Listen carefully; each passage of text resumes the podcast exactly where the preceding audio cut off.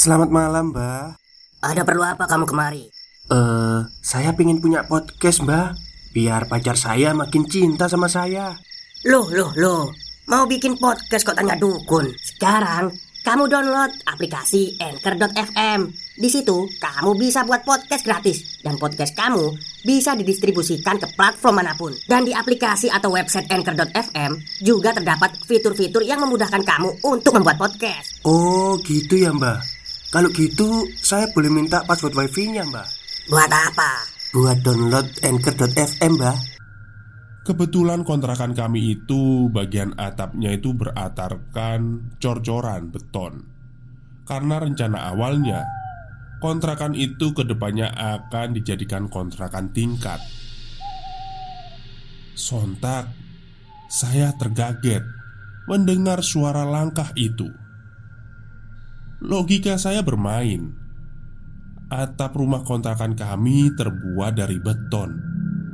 Mana bisa Suara langkah kaki manusia terdengar begitu jelas? Seandainya terdengar mau apa? Orang tengah malam begini berlarian di atas atap rumah orang lain. Kalaupun maling Pasti nggak akan seceroboh itu. Bisa ketahuan lah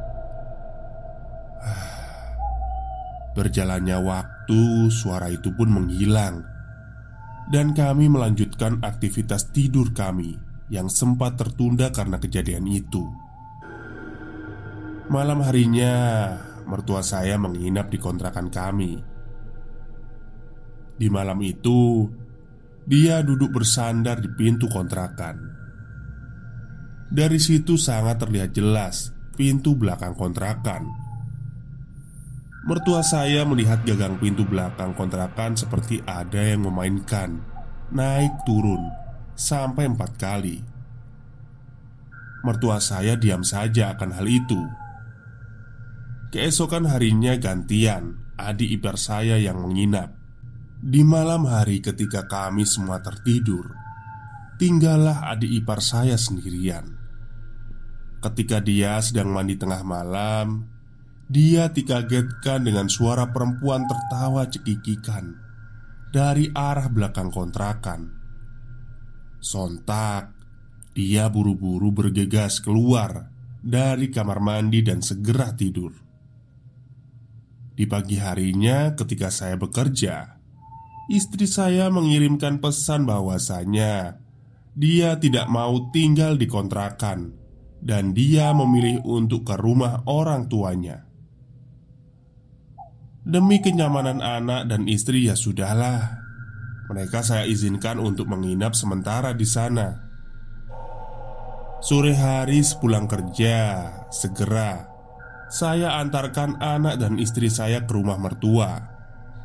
Saya tidak ikut menginap karena saya tidak bebas di sana, walaupun mertua saya itu baik. Dan dengan sangat terpaksa, saya memberanikan diri tidur sendirian di rumah kontrakan itu.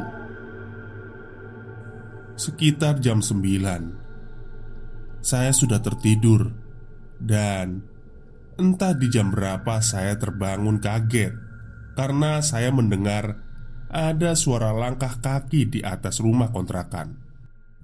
Dengan keadaan terbangun dan kaget Serta setengah sadar Saya marah atas kejadian itu saya pun bergegas membuka pintu rumah dan berlari ke atas atap rumah. Kebetulan di kontrakan itu sudah ada tangga untuk akses ke atap rumah. Dengan keadaan marah, saya berlari ke atas untuk mengecek siapa sih darang dari kejadian ini. Sesampainya di atas rumah, saya tidak melihat siapa pun di sana. Saya hanya merasakan seperti banyak sesuatu yang sedang mengawasi dan mengamati saya. Tiba-tiba, saya merasakan angin bertiup kencang ke arah saya. Saya pun terkejut, lalu membalikan badan untuk segera berlari menuju kembali ke rumah kontrakan saya. Sesampainya di dalam kontrakan, saya tidak bisa tidur karena suara langkah kaki itu semakin terdengar jelas dari arah atap rumah. Tak kehilangan akal, saya pun menyalakan televisi untuk mengencangkan volume televisi agar suara langkah itu kalah samar-samar dengan suara televisi. Kemudian, saya lanjut bersifat cuek dan acuh tidak mau tahu untuk melawan suara langkah kaki itu. Dan jujur saja, saya takut waktu itu. Tak terasa jam sudah menunjukkan pukul 3 pagi Dan segera saya lanjut pergi dari kontrakan untuk bekerja Semua kejadian di malam itu saya telan sendiri Tanpa bercerita ke istri serta tetangga saya Berselang dua hari, Mbak Dini pun kembali pulang, dan dia berkata kepada saya, "Tenang aja, Mas, semuanya sudah aman kok. Gak akan ada lagi yang aneh-aneh gangguin kita." Mendengar itu, saya pun bahagia dan langsung menjemput anak istri saya untuk kembali ke rumah kontrakan. Dengan perasaan senang, kami pun kembali ke rumah kontrakan. Dan benar, suasana di sana pun berubah menjadi seperti dulu. Adem, sejuk, asri, dan sepi, serta menyenangkan. Tetapi perubahan itu hanya bertahan satu minggu. Terjadilah kemudian kejadian mistis yang tetangga saya alami Sebut saja namanya Mbak Nia. Tetangga saya yang mengontrak di kontrakan nomor 2 Kebetulan dia sering tinggal sendiri di kontrakan. Karena suaminya jarang pulang karena tuntutan pekerjaan. Di siang itu dia bercerita kepada kami. Di saat tengah malam dia tidur Tiba-tiba dia terbangun dan kaget. Karena di depan matanya ada sesosok pocong yang tidur persis di sampingnya dengan kain kafan yang kotor bercampur darah dan tanah. Mukanya hancur rusak dan menyeringai sambil menatap tajam ke arah muka Mbak Nia. Jarak muka Mbak Nia dan pocong itu sangatlah dekat, sekitar sejengkal. Tapi Mbak Nia tidak bisa berbuat apa-apa karena mulutnya terasa terkunci. Matanya tidak bisa terpejam, dan badannya terasa kaku, tidak bisa digerakkan. Sampai akhirnya Mbak Nia pingsan sampai pagi hari. Setelah tersadar, dia pun terbangun lanjut keluar rumah dan menceritakan semua kejadian itu ke tetangga-tetangganya. Istri saya menjadi takut atas kejadian itu, dan dia meminta mengungsi lagi ke rumah orang tuanya. Tetapi saya tahan untuk tetap tinggal di rumah karena di situ ada Mbak Dini yang akan bertanggung jawab. Istri saya pun luluh dan tetap bertahan untuk tinggal di kontrakan. Lanjut cerita. Di keesokan harinya, timbul cerita baru dari Mbak Nia.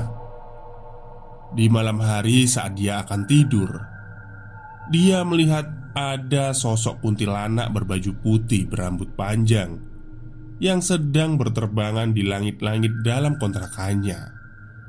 Sontak, ia pun berlari keluar dan langsung mengungsi ke rumah temannya yang kebetulan tidak terlalu jauh dari kontrakan. Di siang hari yang sedang panas terik itu, istri saya mendengar ada suara siraman air dari atas atap rumah. Langsung saja ia keluar rumah dan menengok ke arah atas rumah.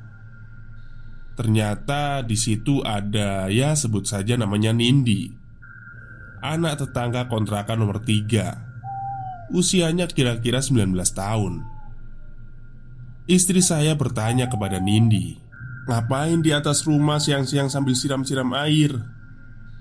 Kemudian Nindi menjawab Nggak apa-apa mbak. Iseng-iseng biar kontrakan jadi adem. Istri saya sempat curiga Tapi ya biarkan sajalah Makin hari makin mencekam suasana di kontrakan kami. Di malam harinya Mbak Dini menyewa empat pemuda laki-laki Untuk begadang di depan kontrakan kami. Alhamdulillah Di malam itu tidak ada gangguan dan hal apa pun di kontrakan kami. Keesokan harinya istri saya meminta pindah kontrakan.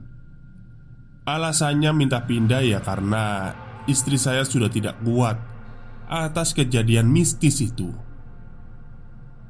Berselang beberapa hari, alhamdulillah saya dapat kontrakan baru dan kami pun pindah ke sana.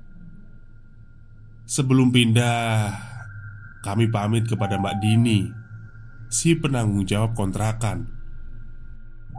Dan di sela-sela pamitnya kami, Mbak Dini pun berucap kalau dia juga akan segera pindah dari sini karena juga sudah tidak betah atas semua kejadian ini. Lanjut cerita. Saya beserta anak istri saya sudah menempati kontrakan baru. Suasana dan lingkungannya sangat jauh lebih baik dibandingkan kontrakan yang lama. Dan berjalannya waktu, kami pun melupakan semua kejadian mistis yang dulu kami alami di kontrakan lama. Kami pun tidak tahu lagi bagaimana nasib tetangga-tetangga kami itu. Berjalannya waktu, kami dapat kabar dari si Ana kalau tinggal tiga kontrakan yang terisi, termasuk kontrakan yang dia isi. Sisanya kosong karena penghuni kontrakannya tidak kuat atas kejadian mistis yang mengganggu mereka. Singkat cerita, 20 hari kami menempati kontrakan yang baru. Istri saya dihubungi oleh si Ana tetangga kami yang dulu kontrakan lama. Si Ana ingin main ke kontrakan kami yang baru. Di suatu malam Si Ana bertamu ke rumah kami. Dia datang bersama pacarnya Keadaan saya waktu itu sedang tertidur Dan si Ana serta pacarnya hanya berbincang dengan istri saya. Dia bercerita kemarin Mbak Dini mendadak pindah rumah. Anehnya, Mbak Dini pindah rumah hanya membawa dirinya serta anak-anaknya saja. Semua perabotan mebel, furnitur, sofa, elektronik, perabotan dapur, serta lain-lainnya tidak ada yang dibawa oleh Mbak Dini. Dan semua barang-barang itu diberikan secara cuma-cuma kepada Mbak Ana. Ana, barang-barang saya semuanya untuk kamu saja. Silahkan ambil. Ucap Mbak Ana meniru Mbak Dini. Mendengar semua itu, si Ana sangat senang dan mengambil beberapa barang yang ia perlukan. Sisanya diberikan kepada tetangga-tetangga yang lain. Singkat cerita, beberapa hari berlalu. Di malam hari, si Ana menelpon istri saya dan bercerita kalau dia mengabari keluarganya di kampung karena dia diberikan barang-barang perabotan rumah secara cuma-cuma dari Mbak Dini. Kakaknya Ana di kampung pun meminta foto-foto barang tersebut. Dan setelah melihat semua foto barang pemberian Dini Kakaknya langsung menelpon. Dengan nada kesal Si kakak berbicara Buang semua barang-barang pemberian dari Mbak Dini itu. Semua barang-barang itu nggak baik untuk kamu. Segera buang. Semua barang-barang itu cepat Ucap kakaknya si Ana saat sedang asyik membicarakan itu semua ke istri saya melalui via telepon Tiba-tiba si anak ini mencium bau kemenyan yang sangat menyengat. Si anak pun menutup telepon dengan istri saya dan lanjut mencari sumber bau menyan itu. Ternyata semua perabotan yang Mbak Dini berikan itu semuanya berbau menyan. Merinding Ana dibuatnya. Lalu Ana menelpon kakaknya untuk menjelaskan semua kejadian itu dan meminta jawaban dari kakaknya. Dan jawaban kakaknya sungguh mengejutkan. Dengan nada marah, kakaknya berucap lewat telepon. Udah kakak bilang untuk buang semua barang-barang itu. Kenapa nggak segera dibuang? Kamu mau tahu nggak? Di semua barang-barang pemberian dari Mbak Dini itu ada setannya. Ada setan yang mengisi setiap barang-barang itu. Ucap kakaknya si Ana. Kebetulan kakaknya Ana ini memiliki kelebihan untuk melihat hal-hal berbau mistis. Stop, stop. Kita break sebentar. Jadi gimana? Kalian pengen punya podcast seperti saya?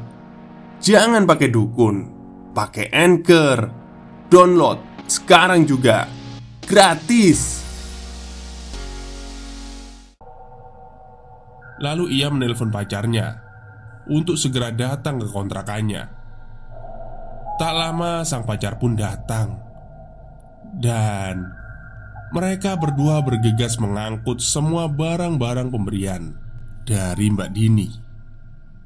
Semua barang itu dipindahkan ke tempatnya semula. Si Ana dan pacarnya akhirnya bergegas ke rumah kami. Si Ana pun menceritakan ke istri saya tentang semua kejadian yang ia alami. Istri saya kasihan pada Ana. Kebetulan tak jauh dari kontrakan kami itu ada kontrakan kosong. Si Ana mengeceknya. Dia cocok dan langsung dibayarlah kontrakan itu. Dan Ana berencana pindah keesokan harinya karena malam sudah larut. Si Ana bergegas kembali pulang ke kontrakannya. Padahal sepertinya Ana ingin sekali menginap di rumah kami. Tapi ya karena posisi kami sudah berumah tangga Jadi Ana mengurungkan niatnya itu Ana pun kembali memberanikan diri untuk kembali ke kontrakan dan tidur di sana. Toh tinggal satu hari lagi di sana, batinya. Bergegaslah Ana di antar pacarnya untuk kembali ke kontrakan. Dan sesampainya di sana, sang pacar pamit untuk pulang. Tinggallah si Ana seorang diri di dalam kontrakan yang kanan dan kirinya sudah kosong tak berpenghuni. Di malam yang sudah semakin larut di dalam kontrakan seorang diri, suasananya sangat-sangatlah mencekam. Walaupun tidak bisa melihat makhluk halus, tetapi si Ana sangat merasakan seperti banyak sekali makhluk-makhluk tak kasat mata yang berada di dalam kontrakannya. Tak kuat akan hal itu, si Ana pun berlari keluar kontrakan dan menuju ke rumah kontrakan nomor tiga. Dengan rasa panik dan ketakutan, dia menggedor-gedor rumah kontrakan itu. Dibukalah pintu kontrakan itu oleh Bu Nindi, dan ibunya Nindi bertanya kepada Ana, "Ada apa?" Kenapa nak kok ketakutan gitu? Ana menjawab Saya takut bu Saya izin nginep di sini ya bu Lanjut Ana. Dan akhirnya Nindi beserta ibunya mengizinkan Ana untuk menginap di situ. Karena suara pembicaraan mereka cukup gaduh, keluarlah tetangga kontrakan nomor 4 Kontrakan nomor 4 berisi sepasang suami istri Dengan dua anak. Dan sesekali Ada kakeknya yang menginap di rumah itu Kebetulan Di malam itu si kakek sedang menginap. Dan Ikut berbincanglah mereka bersama di depan rumah. Cerita diawali dengan ceritanya si Ana Yang sudah saya ceritakan tadi. Kemudian tetangga nomor empat kaget mendengar semua cerita si Ana. Karena tetangga nomor empat Waktu itu dia mengambil rak piring pemberian dari Mbak Dini. Sontak. Sebut saja namanya Pak Danu. Langsung berlari ke dapur untuk mengambil rak piring itu. Setelah diambil dari dapur, rak piring itu dibuang Dilemparkan ke halaman belakang kontrakannya. Cerita berlanjut. Orang tuanya Pak Danu Sebut saja namanya kakek Salim.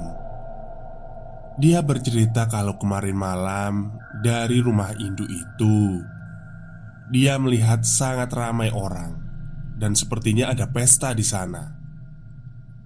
Semua yang mendengar cerita dari kakek itu langsung kaget Dan mereka bilang ke kakek itu Kek, di rumah itu kan sudah lama kosong. Gak mungkin ada orang lain selain kita Jawab mereka kepada kakek.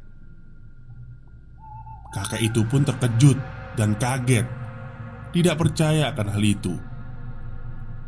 Kemudian Lanjut cerita dari Nindi. Ternyata si Nindi itu diam-diam mempunyai indera keenam yang sangat peka dengan hal-hal mistis. Pada waktu siang hari itu, waktu dia dipergoki istri saya sedang main air di atas kontrakan. Ternyata si Nindi sedang menyiramkan air garam yang sudah didoakan. Tujuannya adalah untuk menghalau kehadiran makhluk-makhluk tak kasat mata itu agar tidak mengganggu penghuni kontrakan. Kemudian Nindi lanjut cerita tentang lampu penerangan depan pagar kontrakan yang selalu mati. Itu karena disebabkan oleh ular genruwo yang posisinya berdiri sambil bersandar di tiang lampu penerangan. Pantas saja, lampu kontrakan selalu mati. Kemudian Nindi pun bercerita lagi Ingat ketika tentang cerita suaminya Mbak Nindi Eh Mbak Dini Yang sudah meninggal Dalam penglihatan mata batinnya Si Nindi melihat jelas. Ternyata suaminya Mbak Dini itu meninggal Melalui kecelakaan Untuk dijadikan sebagai tumbal dari pesugihan. Pesugihan yang dilakukan oleh omnya suami tersebut. Dan roh dari suaminya Mbak Dini itu bergentayangan. Ada di sekitar rumah kontrakan ini Untuk mengajak istrinya yaitu Mbak Dini Ikut serta menjadi tumbal.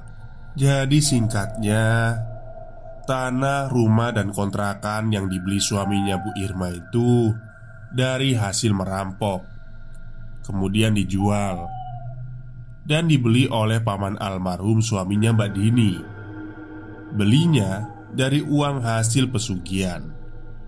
Sekarang Mbak Dini sudah kabur Om almarhum suaminya Mbak Dini itu tidak tahu kalau sebenarnya Mbak Dini sudah pindah kabur entah ke mana